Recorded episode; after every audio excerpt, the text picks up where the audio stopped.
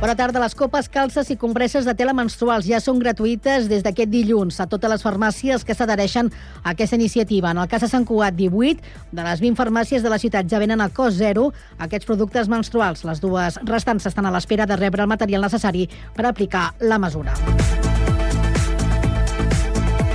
Cugat Mèdia s'aboca un any més per commemorar el 8M i tots els continguts i tota la programació pròpia es tenyiran de lila sota el lema Parlen les dones. Per començar, el programa es porta en marxa d'aquest matí ha posat l'accent en l'esport femení i ha estat presentat per Carme Reverte i així amb la resta de la graella de Ràdio Sant Cugat. Tots els programes propis estan presentats aquesta setmana per dones, també els infopodcasts, que són les píndoles informatives de 3 minuts que enviem cada matí per WhatsApp. A més, les tertúlies de dimarts, dimecres i dijous seran formades exclusivament per dones, però també amb els continguts informatius de portada al web www.cugat.cat de cada dia estaran vinculats al Dia Internacional de les Dones, que arriba aquest divendres 8 de març. Més qüestions. El govern flexibilitzarà la regulació que estan preparant per regular les zones de baixes emissions i retardarà un any fins al 2027 les limitacions als vehicles amb etiqueta groga, que és la B, segons avança al periòdico en un article que inclou declaracions de la directora general de Canvi Climàtic i Qualitat Ambiental del Departament d'Acció Climàtica, Mireia Boia. A més, la flexibilització del decret que preveu aprovar el govern també permetrà que les zones de baixes emissions siguin supramunicipals i no només locals, permetent, per exemple, que hi hagi una zona de baixes emissions del Vallès amb diversos municipis. Una quarantena de persones han participat el passat dimecres a la sessió de Constitució del Consell de la Vila de Valldoreix. Aquest grup de treball vol ser el màxim òrgan de participació del territori i té com a principal objectiu revisar i enllestir el nou reglament de participació per Valldoreix. El procés es troba, per tant, com explica Cugat Media, el president de l'MD, Juanjo Cortés, en una fase inicial després d'haver apostat per recuperar aquest Consell caducat des de feia sis anys. I en aquesta primera jornada de març del futbols i d'esports, on destaquem també el triomf 2 a 8 de l'Olímpic Floresta a la pista de l'Arenys de Munt, que fins ara liderava invicta el grup 1 de tercera divisió de futbol sala. Els florestans ocupen la cinquena part i trenquen una ratxa de tres derrotes consecutives. Poden consultar els resultats esportius dels equips santcugatencs de, com dèiem, aquest primer cap de setmana de març, que ha passat aquests dies, dissabte i diumenge, a www.cugat.cat.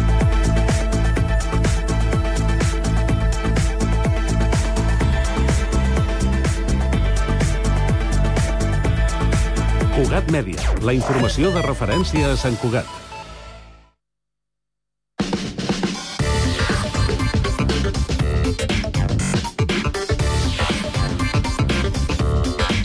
Cinc de la tarda, 3 minuts, inici de la segona i última hora d'aquest Connectats de dilluns. Anem amb la informació de servei. Comencem pel trànsit. Mireia Camats, bona tarda. Hola, bona tarda. A hores d'ara hem de destacar algunes incidències. A la B23 hi ha un carril dret al Papiol en sentit Barcelona per un accident. Això l'enteix la marxa en aquest tram, per tant demanem extremar la prudència. També cal anar amb compte si circuleu per l'autopista AP7. Hi ha un carril tallat a la Grana del Penedès en sentit nord, en sentit Martorell per un camió avariat. En aquest cas hi ha intensitat. A la B30, a la tela de l'AP7, hi ha cua a Barberà del Vallès en tots dos sentits. També destaquem la Nacional 240. S'ha tallat l'accés cap a la C14 a Montblanc en sentit Lleida per un camió avariat. En aquest cas hi ha intensitat. A l'autopista del Vallès, a la C58, hi ha retencions de Montcada a Barcelona en sentit sud. A la C31 hi ha retencions a Gavà en sentit Sitges per obres. Hi ha un carril tallat en aquest tram. A la Ronda de Barcelona, al B20, hi ha retencions entre Horta i la Vall d'Hebron en sentit Llobregat i entre Sarrià i Collserola en sentit Besòs. I a la Ronda Litoral ha intensitat de Zona Franca al Port en sentit Besòs i retencions a la Barceloneta en sentit Llobregat. És tot des del Servei Català de Trànsit. Bona tarda. Gràcies i bona tarda, Mireia. Anem ara fins al Transmet per saber com està funcionant el transport públic. Albert Garran. Doncs avui dilluns, primer dia de la setmana, on parlem de moment de normalitat a la xarxa de transport públic de l'àrea metropolitana. Tots els serveis de transport públic funcionen segons els horaris i les freqüències de pas planificades. De moment això és tot des del Transmet.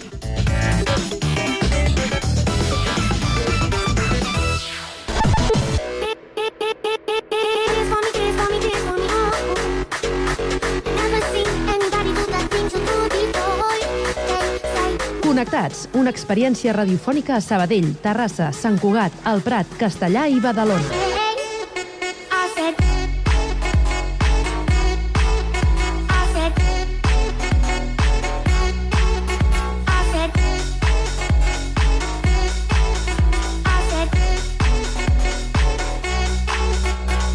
Connectats amb Carme Reverte.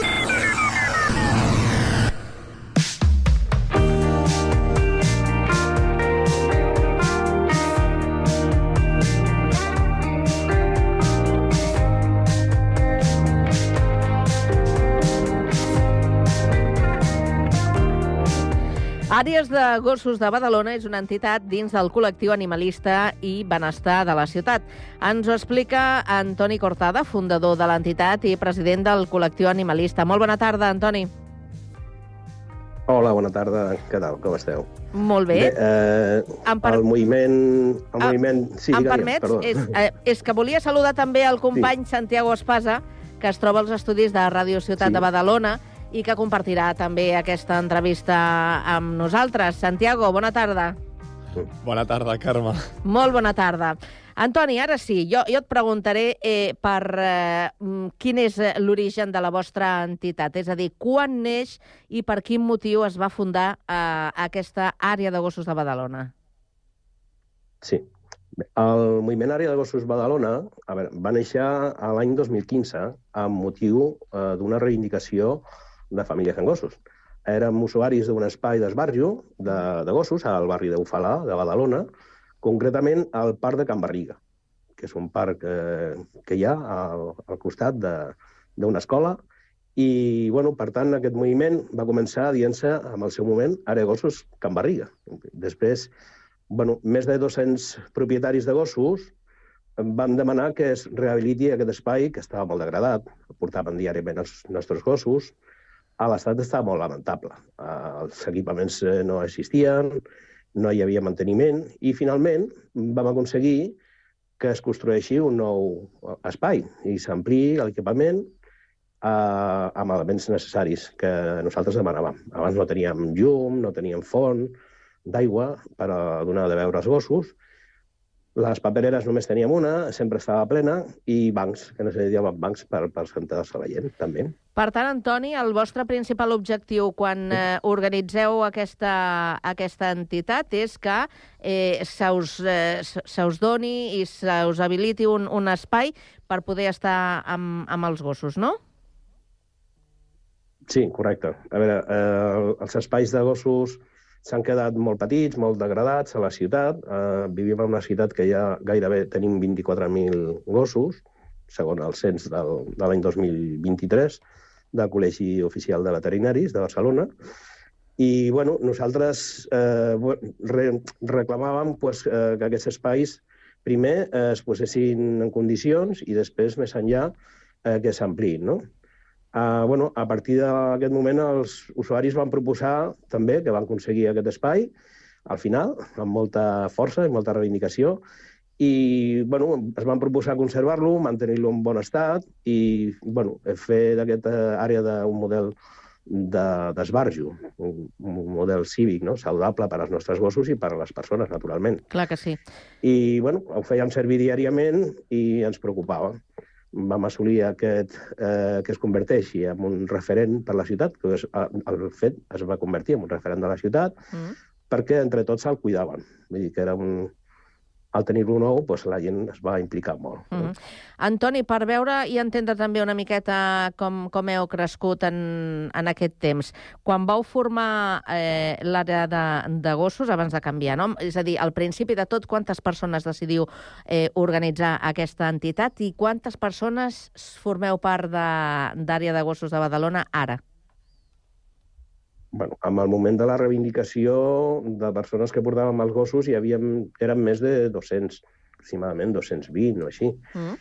I després, bueno, en el primer moment eh, vam crear un grup de WhatsApp, no? com s'acostuma a fer a aquests espais, per comunicar les incidències, tot el que en si doncs, relacionat amb el benestar dels animals.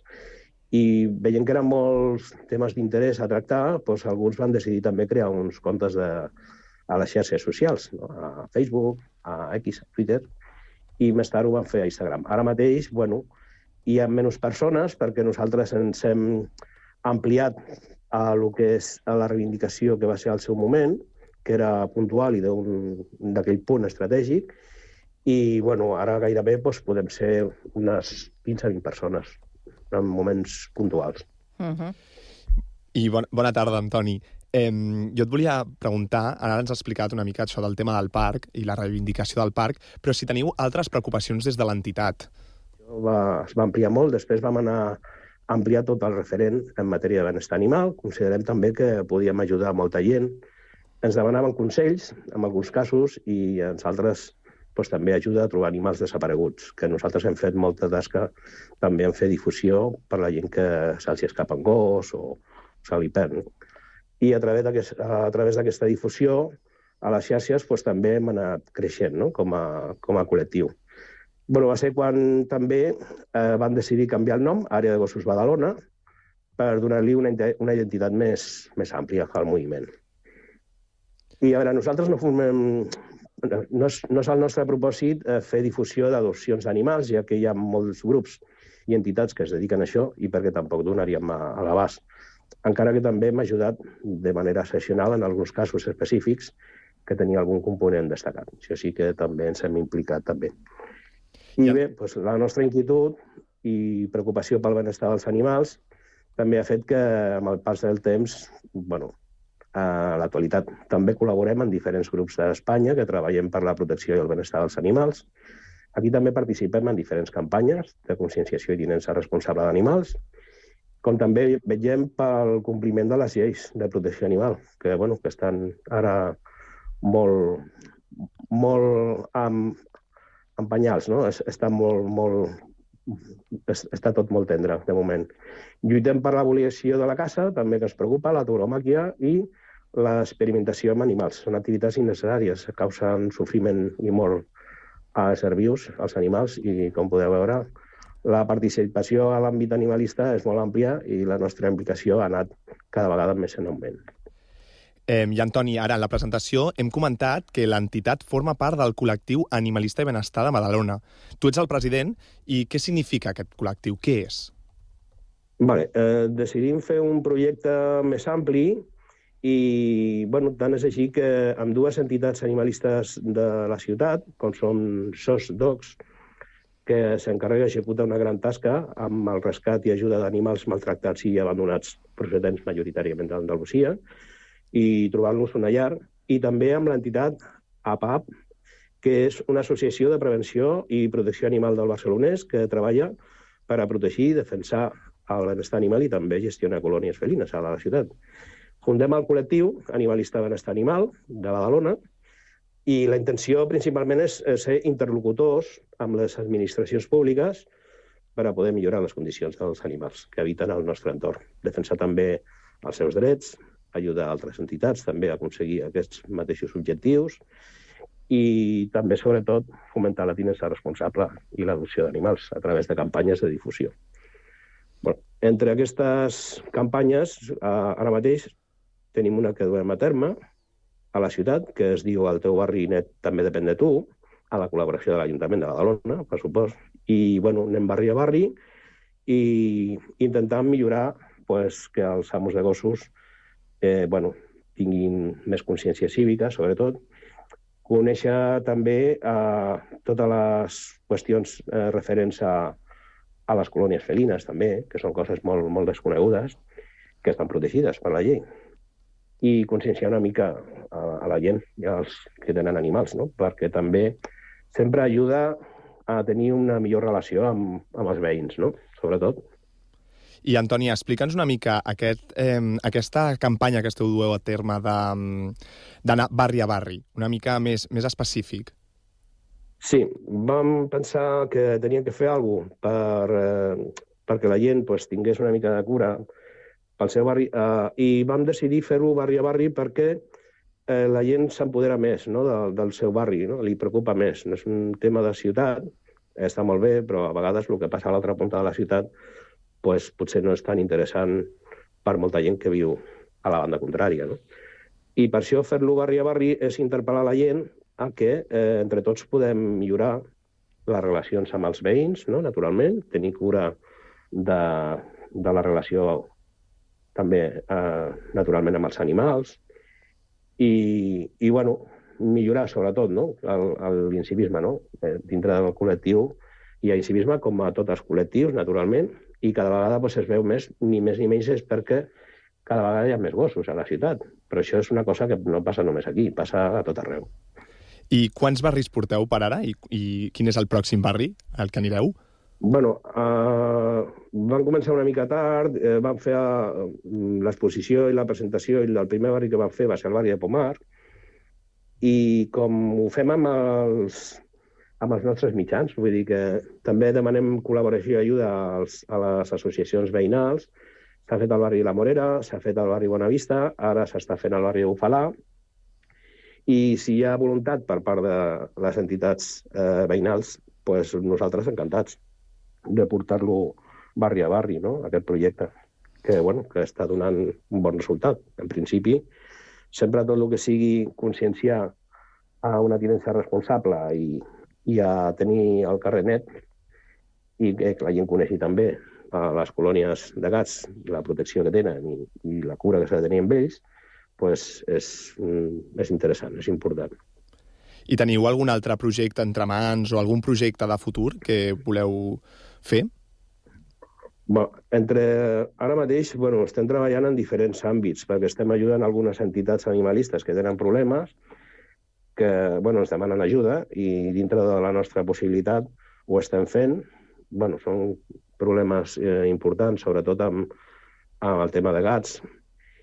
I, bueno, eh, projectes de fer campanyes sí que tenim, fer una campanya també d'adopció d'animals, encara que, bueno, que el centre d'atenció d'animals de companyia d'aquí de, del Barcelona Nord, que tenim a la ciutat, ja s'encarrega i ho fa molt bé, però sempre tot allò que puguem ajudar, doncs sempre va bé. I després fem una campanya que ja l'han fet dos anys, abans de formar el col·lectiu, ja la van començar a fer i la fem cada any, que es diu mm, Més llum, menys soroll, que bueno, interpel·lem a fer servir pirotècnia més luminosa i menys sorollosa, no?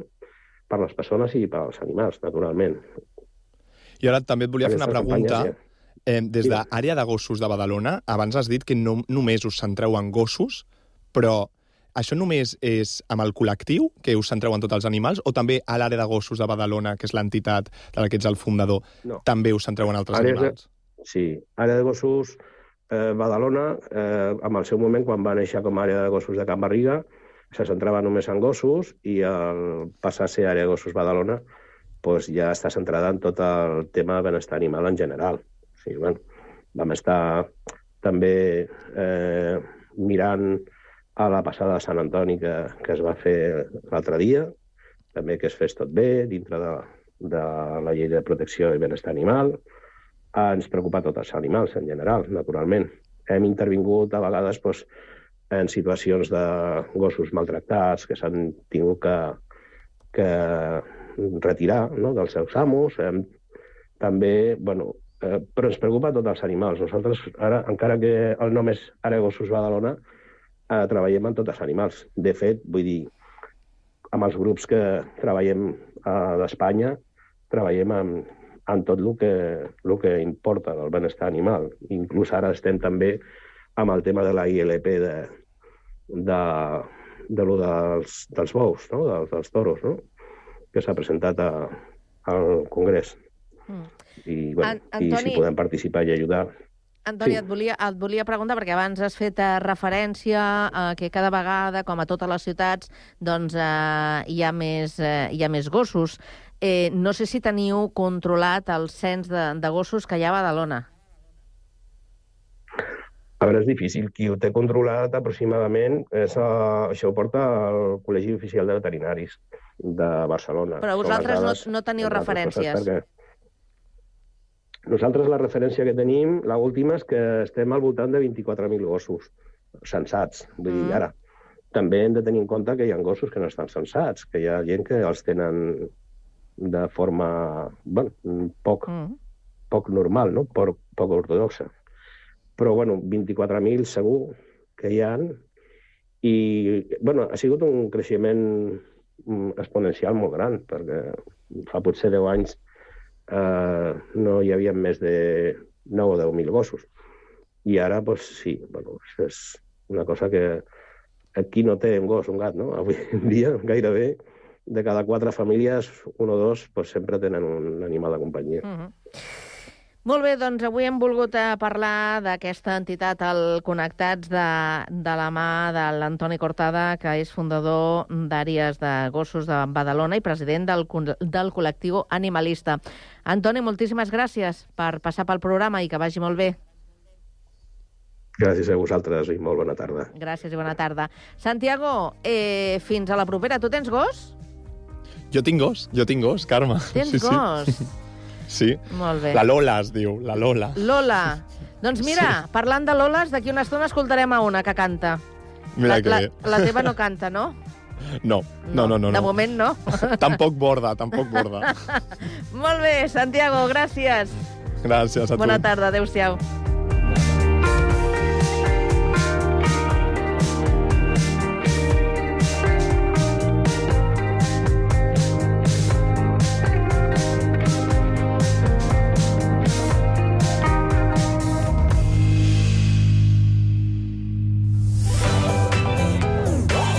Connectats. Una experiència radiofònica a Sabadell. Ràdio Sabadell, 94.6. Terrassa. Ràdio Municipal de Terrassa, 95.2. Sant Cugat. Ràdio Sant Cugat, 91.5. El Prat. El Prat Ràdio, 91.6. Castellà. Ràdio Castellà, 90.1. I Badalona. Ràdio Ciutat de Badalona, 94.4. Cada tarda de 4 a 6, connectats.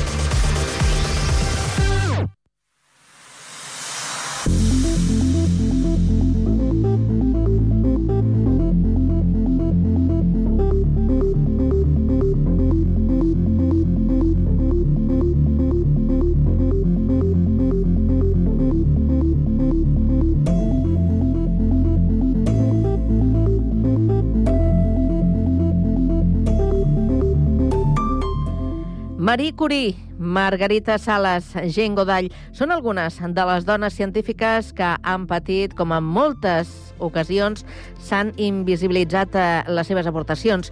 A motiu de la celebració del Dia Internacional de la Dona i la Nena a la Ciència, l'alumnat de l'Escola del Parc del Prat de Llobregat ha estat treballant en la importància del paper de la dona en aquest àmbit i li ha donat forma d'exposició amb les dones fem ciència. Per conèixer amb més detall aquesta proposta, marxem fins al Prat amb la Laura Prilló. Molt bona tarda, Laura. Bona tarda. Amb motiu de la celebració del Dia Internacional de la Dona i la Ciència, durant les últimes setmanes l'alumnat de l'Escola del Parc del Prat ha estat treballant la importància del paper de la dona en aquest àmbit al llarg de la història. L'alumnat s'ha endinsat en els experiments i la vida d'alguna de les dones científiques referents i les ha visibilitzat en una exposició al Centre Cívic Palmira Domènech titulada Les dones fem ciència. Per tal de reconèixer la feina de l'alumnat, ens acompanya ara mateix l'Héctor Ros, professor i coordinador de coeducació, també membre de la Comissió de Coeducació de l'AFA de l'Escola del Parc, també la Yolanda Soriano, membre també d'aquesta comissió, i la Laia Murciano, també forma part d'aquesta comissió de coeducació. Què tal, com esteu? Per començar, abans, per situar una miqueta a la ciutadania, qui no conegui, dins d'una AFA i dins d'una escola, que és eh, aquesta comissió de coeducació i de què tracta.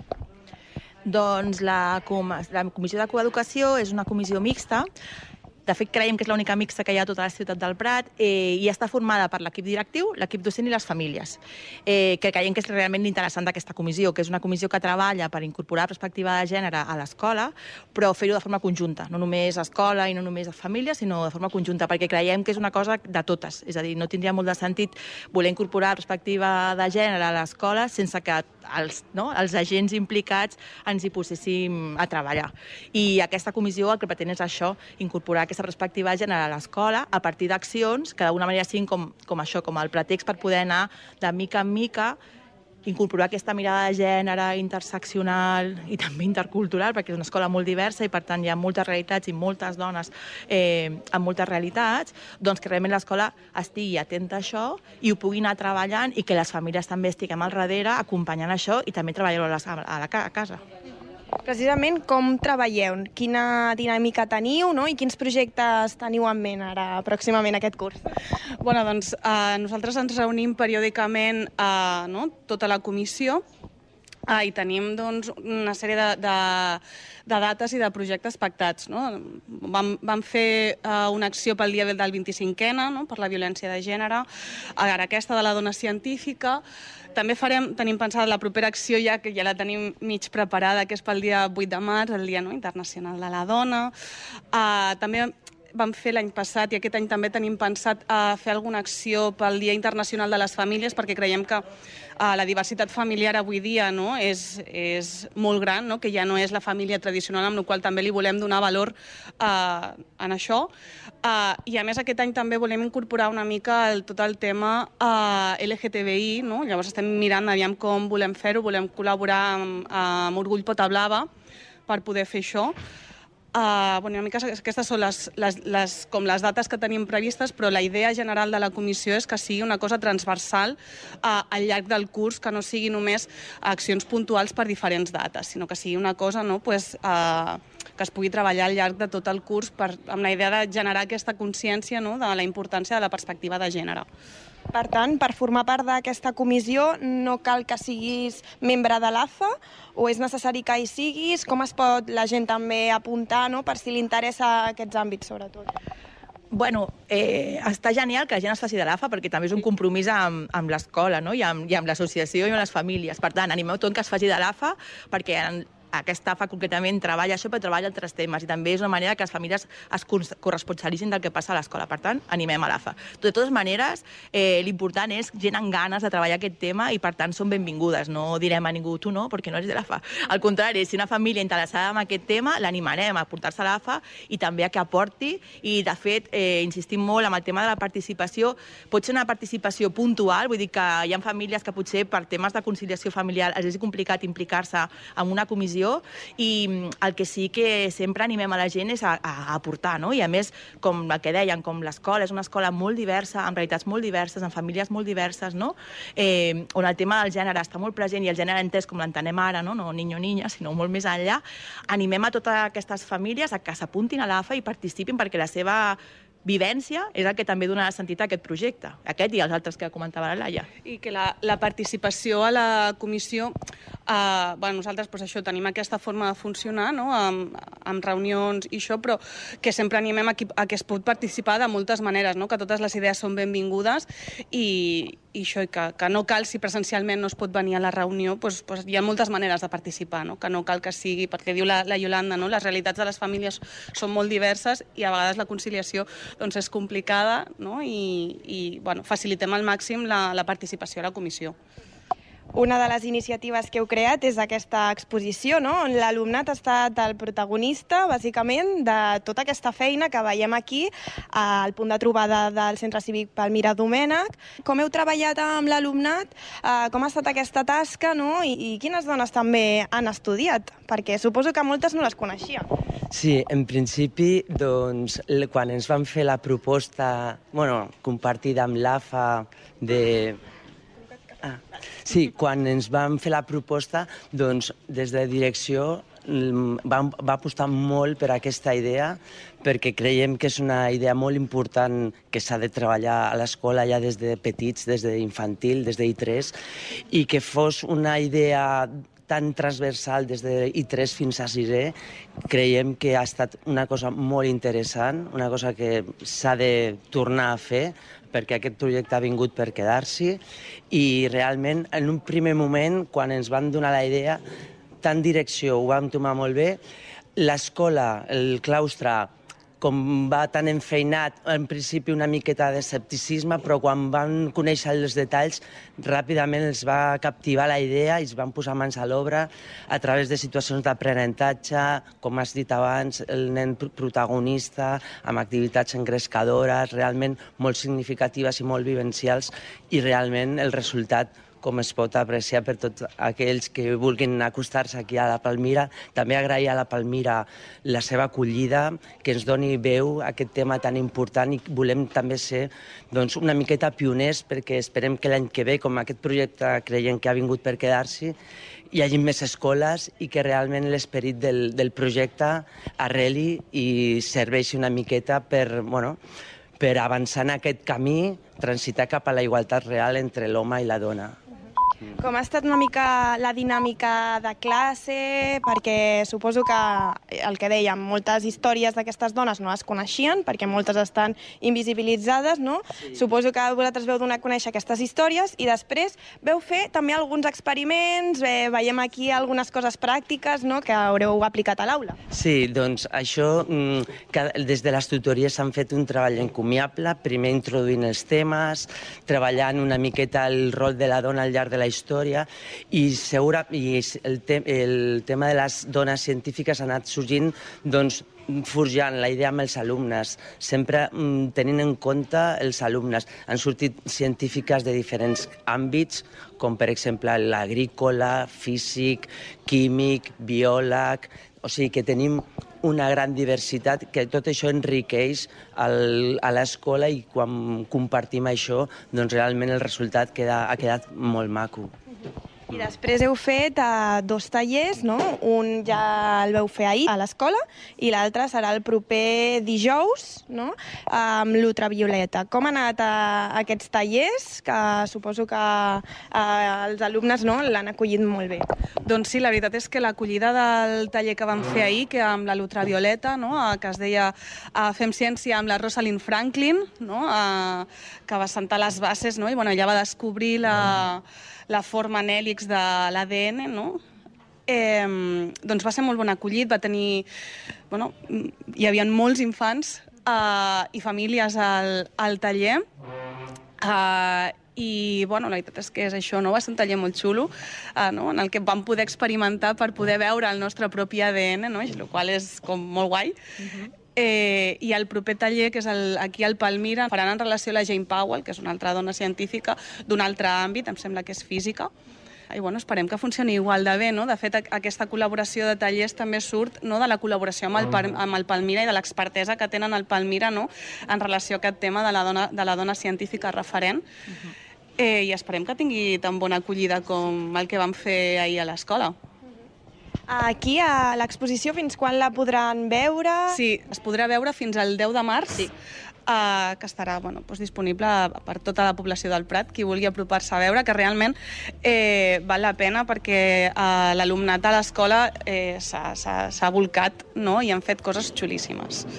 També comentar que, en relació a això, la Biblioteca de la ciutat ha fet un racó a la biblioteca amb llibres i contes que parlen de dones científiques, és a dir, perquè si algú ve a veure l'exposició li encanta i vol saber més sobre aquestes dones i d'altres, a la biblioteca també coincidim amb les dates de l'exposició, a la part infantil podran trobar contes i històries on expliquen pues això, més sobre la vida d'aquestes dones. Perfecte, doncs Laia, Yolanda i Héctor, moltíssimes gràcies i esperem que vagi molt bé aquesta exposició i que sigui tot un èxit. Moltes gràcies, gràcies a tu.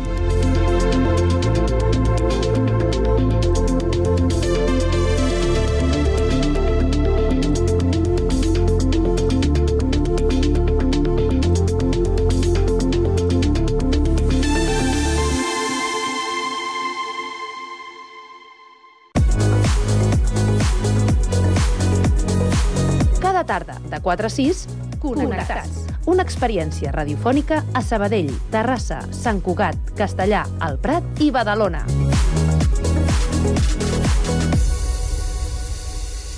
Hola, sóc la Cristina Mur i si hagués de dir dues dones que són referents per mi, diria mm, la Nina Simón, que va ser una gran músic i una dona molt valenta, una gran activista pels drets dels negres eh, en un moment força convuls de la història dels Estats Units, i la Sandra Balcells, que va ser la meva professora de fotoperiodisme a la facultat i que va cobrir la Guerra dels Balcans eh, i va, va rebre diversos reconeixements.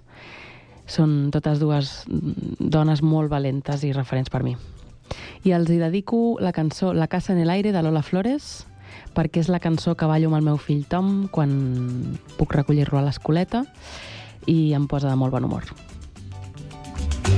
Yo voy a hacer una casa en el aire, solamente para que vivas tú. Después le pongo un letrero muy grande, de nube blanca que diga tabú. Después le pongo un letrero muy grande, de nube blanca que diga tabú. Mira mi vida si será bonito vivir arriba de todo el mundo, y allá en el cielo con los angelitos,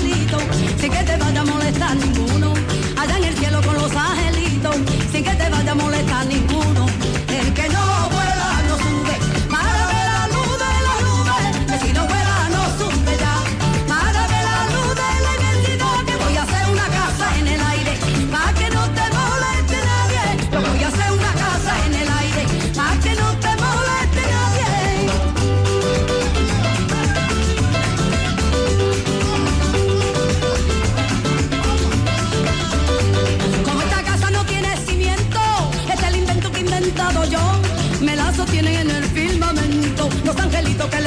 Me la sostienen en el firmamento los angelitos que les pida Dios.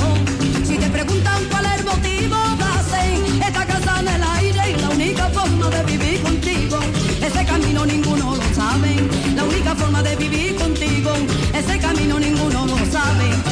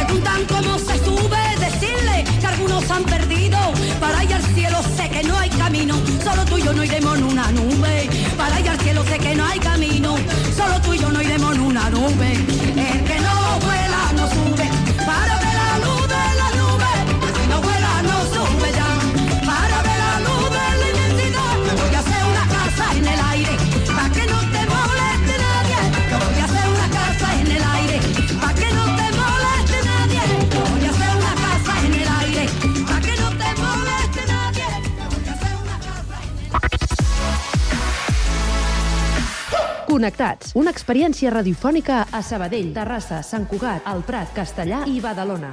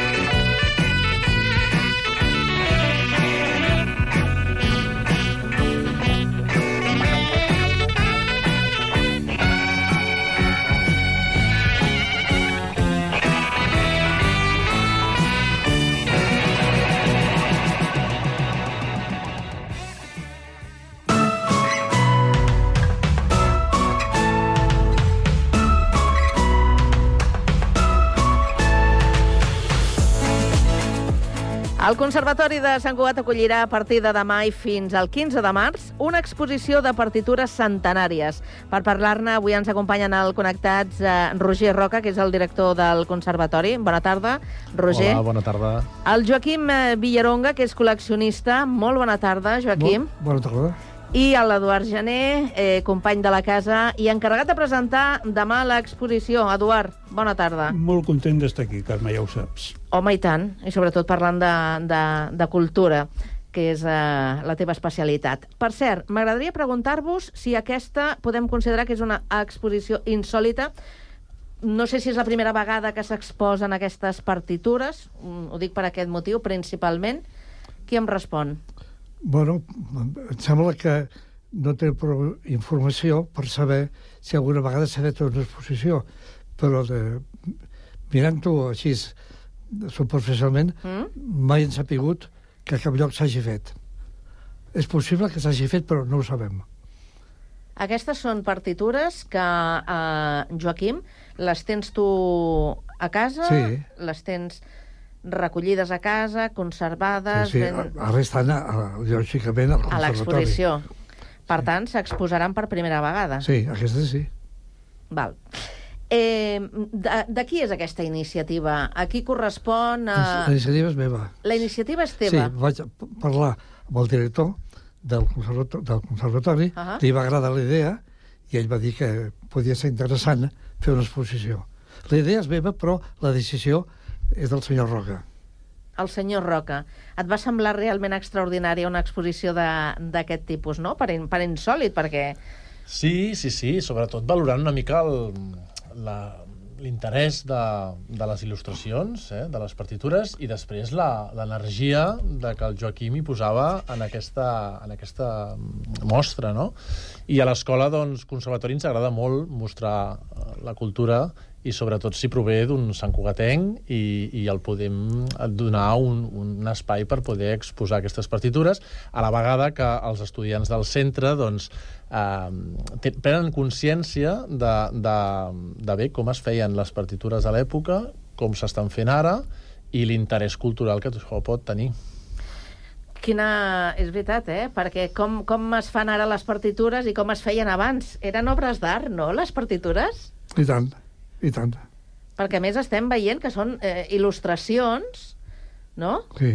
Són il·lustracions. Això també és el que, el que es veurà en aquesta Sí. exposició. Bueno, això és un tema secundari. Sí? La, la portada, el bo, el positiu, és la música en si, però no hi ha dubte que la portada ajuda molt amb el tema.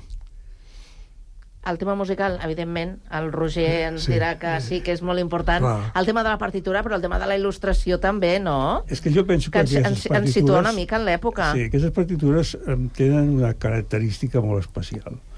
La, la, la partitura s'utilitza, evidentment, per tocar. No? Hi ha un instrumentista, hi ha una orquestra, hi ha un quartet, hi ha qui sigui, té la partitura davant, i el que fa és la partitura a la que ja ha treballat, doncs toca l'instrument, toca els instruments, canta, etc. Però aquí tenim una partitura que està, doncs, eh, és artísticament creada, perquè aquesta no és la partitura que habitualment utilitzen els músics de l'orquestra quan es fan un concert. Mm. És una partitura que en una època determinada era molt característic d'un nivell determinat de, de població, evidentment benestant, o també gent que tenia doncs, molt amant de la música, sí. Que tenia un piano a casa seva i que doncs, comprava aquesta partitura perquè els seus fills, habitualment la seva filla, això quedava molt bé, que aquella noia de casa bé, toqués el piano, interpretés el piano, i llavors aquí tenim veritables joies de la il·lustració. D'una època determinada i a la vegada una cosa molt curiosa que jo he comprovat perquè quan el Joaquim em va dir per poder participar en aquest acte cosa que és molt curiosa i és la quantitat de partitures fetes per gent d'aquí a partir de música que venia, diguéssim, de fora. Charleston, el Foxtrot, eh, el Vals, evidentment, però ho feien aquí. I en alguns casos, això no ho, no ho avançaré perquè seria una, un spoiler que no cal fer-ho, i en molts casos gent que ah, teòricament semblava que fossin d'un altre lloc, nord-americans, per exemple, i no. Ja els teníem a casa. Eren de Barcelona. Eren, eren de casa. Uh, ja que parles dels il·lustradors, hem, hem de referir-nos al Ricardo Piso i al Ramon Casas, no? El Ricardo Piso és un extraordinari, un extraordinari il·lustrador, que a més a més va aconseguir una cosa molt especial, que era fer una espècie de, diguéssim, instantànies col·lectives del carrer, de la Barcelona, en el que dibuixava quantitat i quantitat de persones circulant a Passeig de Gràcia, Rambla Catalunya, etc etc. I en el cas de les partitures introdueix uns elements que identifiquen molt la música.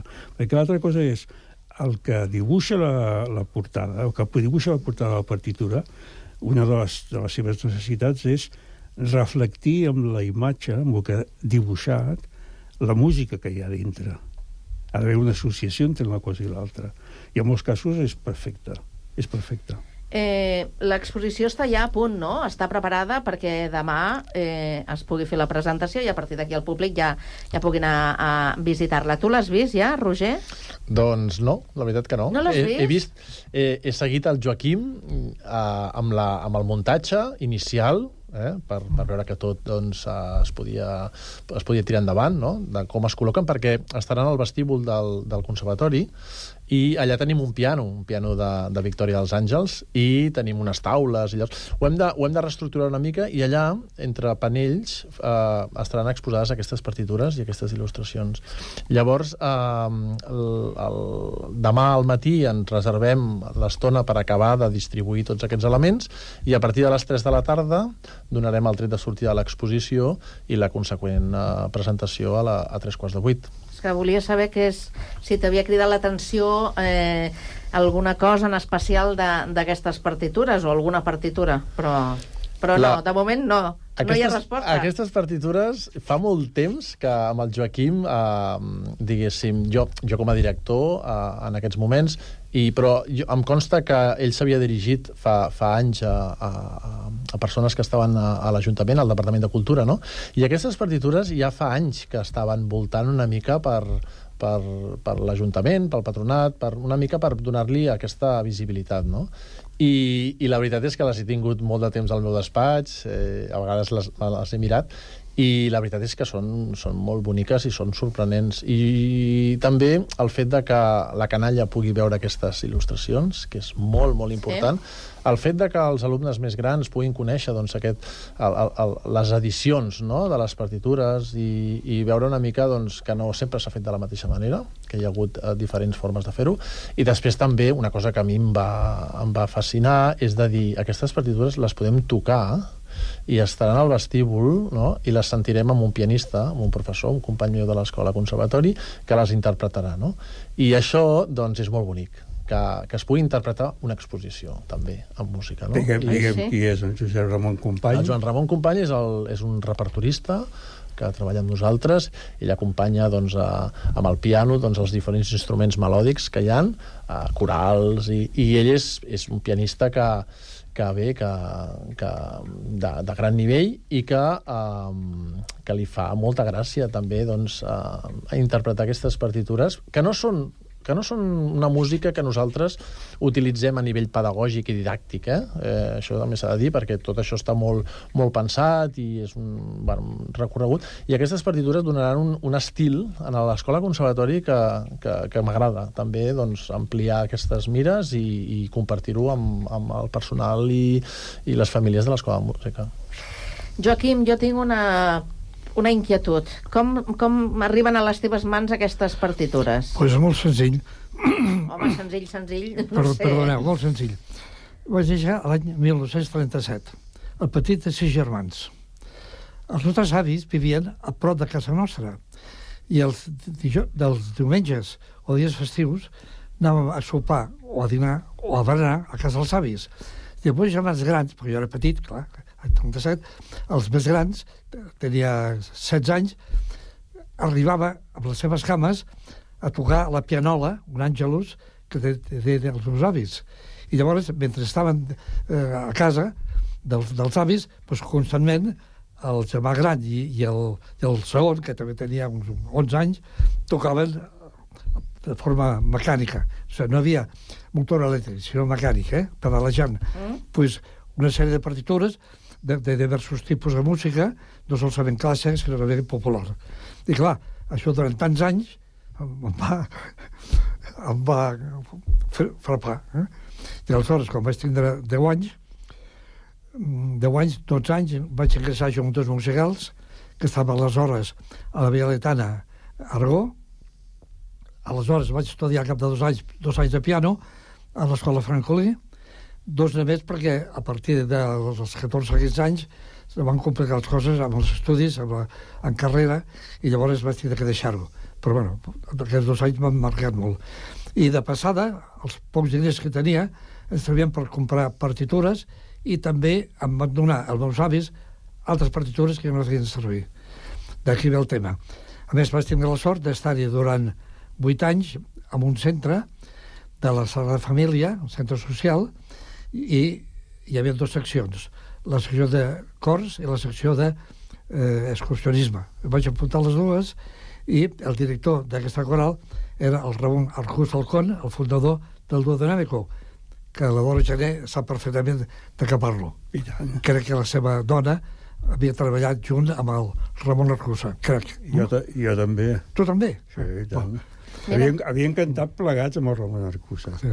Pues no sabia que jo també havia estat amb ell. I d'aquí ve l'afició. Però m'imagino que les has anat trobant... Eh, o sigui, l'afició comença, comença així, Sí. però on, on, on, No, la- les no, vas no traient? les he trobat, els he buscat. Sí, sí, ja. Al primer lloc, com que enterar que el mercat de les puces de Perpinyà tenia moltes partitures, uh. -huh. a Perpinyà, pues, eh, com vaig tenir el cotxe, eh, vaig anar-hi doncs, a Perpinyà diverses vegades i vaig trobar partitures, de, part d'aquelles de, del mercat de les puces de Perpinyà, a un preu molt raonable, i havia de centenars. I allà vaig començar la, primera fase de la compra de partitures. A partir d'aquest moment vaig comprar a Barcelona, que no havia diversos llocs que tinguessin, però mm, al final vaig trobar pues, 200, que és el que tenim. 200 teniu Sí, en la pas, col·lecció? De pas, de pas. Sí. déu nhi I una cosa, eh, la conservació d'aquestes eh, partitures. Bueno, jo- Perquè això, sí. això és delicat. Per més no? limitat, treure la pols, lògicament, posar-la en una bossa i, i en un arxivador. No he fet res més. I a casa meva, que no hi ha gens d'humitat, no s'han perjudicat en absolut. déu nhi Uh, la intenció és continuar ampliant aquesta col·lecció? O... Bueno, eh, tinc 87 anys i de moment ja m'he aturat. No continuo. Deixem la col·lecció tal qual. A més, la col·lecció, si el director ho accepta, penso donar-la, o pensem la dona jo donar-la al conservatori, per tant, aquí, aquí plego. Ostres, ho sabia, Roger, això? Sí, sí, sí. Jo ja, de fet, el, jo ja hi comptava. Uh, de fet, amb el Joaquim ja hi vam, ja vam parlar-ho, molt discretament, però, però bé, sí, sí, eh, una mica doncs, intentar mantenir eh, un, unes partitures d'aquesta exposició, tenir-les mm, permanentment en els vestíbuls de l'Escola Conservatori perquè, per recordar el moment i per exposar aquestes il·lustracions tan boniques i aquesta música que, que ens presenta el Joaquim i doncs amb això hem quedat de que recolliríem aquestes partitures i les, les custodiaríem a l'edifici de l'Escola Conservatori per, per futures eh, coses que puguin passar. O millor, eh? Joaquim, alguna joia de la corona? Sí, O la nena o la nina de, dels teus ulls? Quina? sí, que hi ha diverses. Ai, que difícil. N'hi ha, ha És que estimes més el papa o la mama, no? N'hi ha diverses. Una es m'atrau molt la portada, que és tot secundari, encara que el punt de vista plàstic és el que es veu, no? Altres m'han interessat molt el contingut musical i amb altres la qualitat d'arts gràfiques que són la qualitat és excel·lent, excel·lent la qualitat. Per tant, interessat molt amb aquests tres aspectes. I per últim, eh, hi ha partitures que tenen lletra, lògicament, hi ha autèntics poetes que han fet la lletra de la música corresponent. Hi ha poesies molt maques. Musi Sí, sí. Musicades, clar. Són joies, eh? Són joies, són, Són joies. Eh, molt ràpidament, eh, Eduard, explica'ns eh, en què consistirà la presentació de, de demà. Bé, jo el que faré serà mm, explicar una mica quin és l'origen d'aquestes partitures, perquè en aquell moment, en aquesta època, a a final del segle XIX i principi del XX, doncs estaven, es compraven, es- s'utilitzaven, sobretot a, això era a les cases, a, a cases particulars, i després aquesta relació que comentava abans entre la, el, la il·lustració i el contingut musical, que sempre ha de tenir aquesta força, aquesta equivalència, aquesta, aquesta, aquest intent de representar-ho gràficament, una cosa que és el, el so, de la cançó. I hi ha moltíssimes cançons, hi ha moltíssima música diferent, hi ha fados, hi ha tangos, hi ha valsos, hi ha rigodons, hi ha pericons, hi ha trossos de sarsuela, hi ha... eh, Sardanes. Sardanes, També, mira. operetes, eh, hi ha moltíssima cosa, moltíssima. Doncs bé, si no us voleu perdre, demà es presenta eh, aquesta exposició que eh, la podreu visitar fins al dia 15 de març al Conservatori de, de Sant Cugat i quedeu tots eh, convidats. Agraïm moltíssim al Joaquim, al Roger i a l'Eduard que avui ens han acompanyat al tram final d'aquest eh, Connectat. Senyors, gràcies i que tingueu bona tarda. Bona Gràcies. tarda. Gràcies. Gràcies. I a vostès els emplacem a la cita amb el Connectats demà a partir de les 4 i 3 minuts. Fins aleshores, acabeu de passar molt bona tarda. Adéu-siau.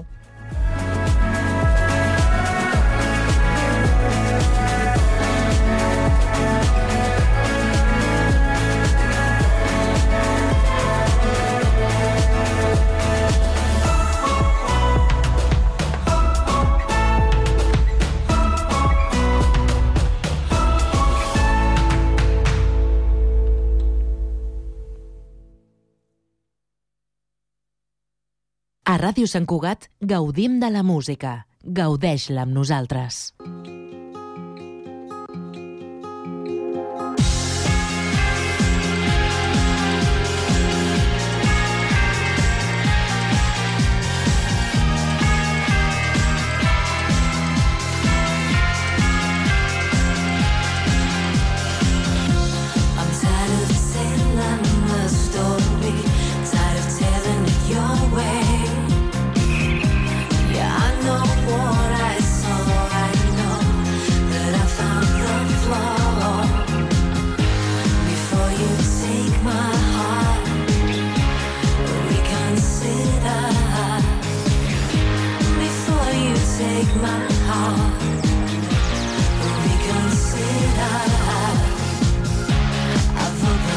door. I've opened the door.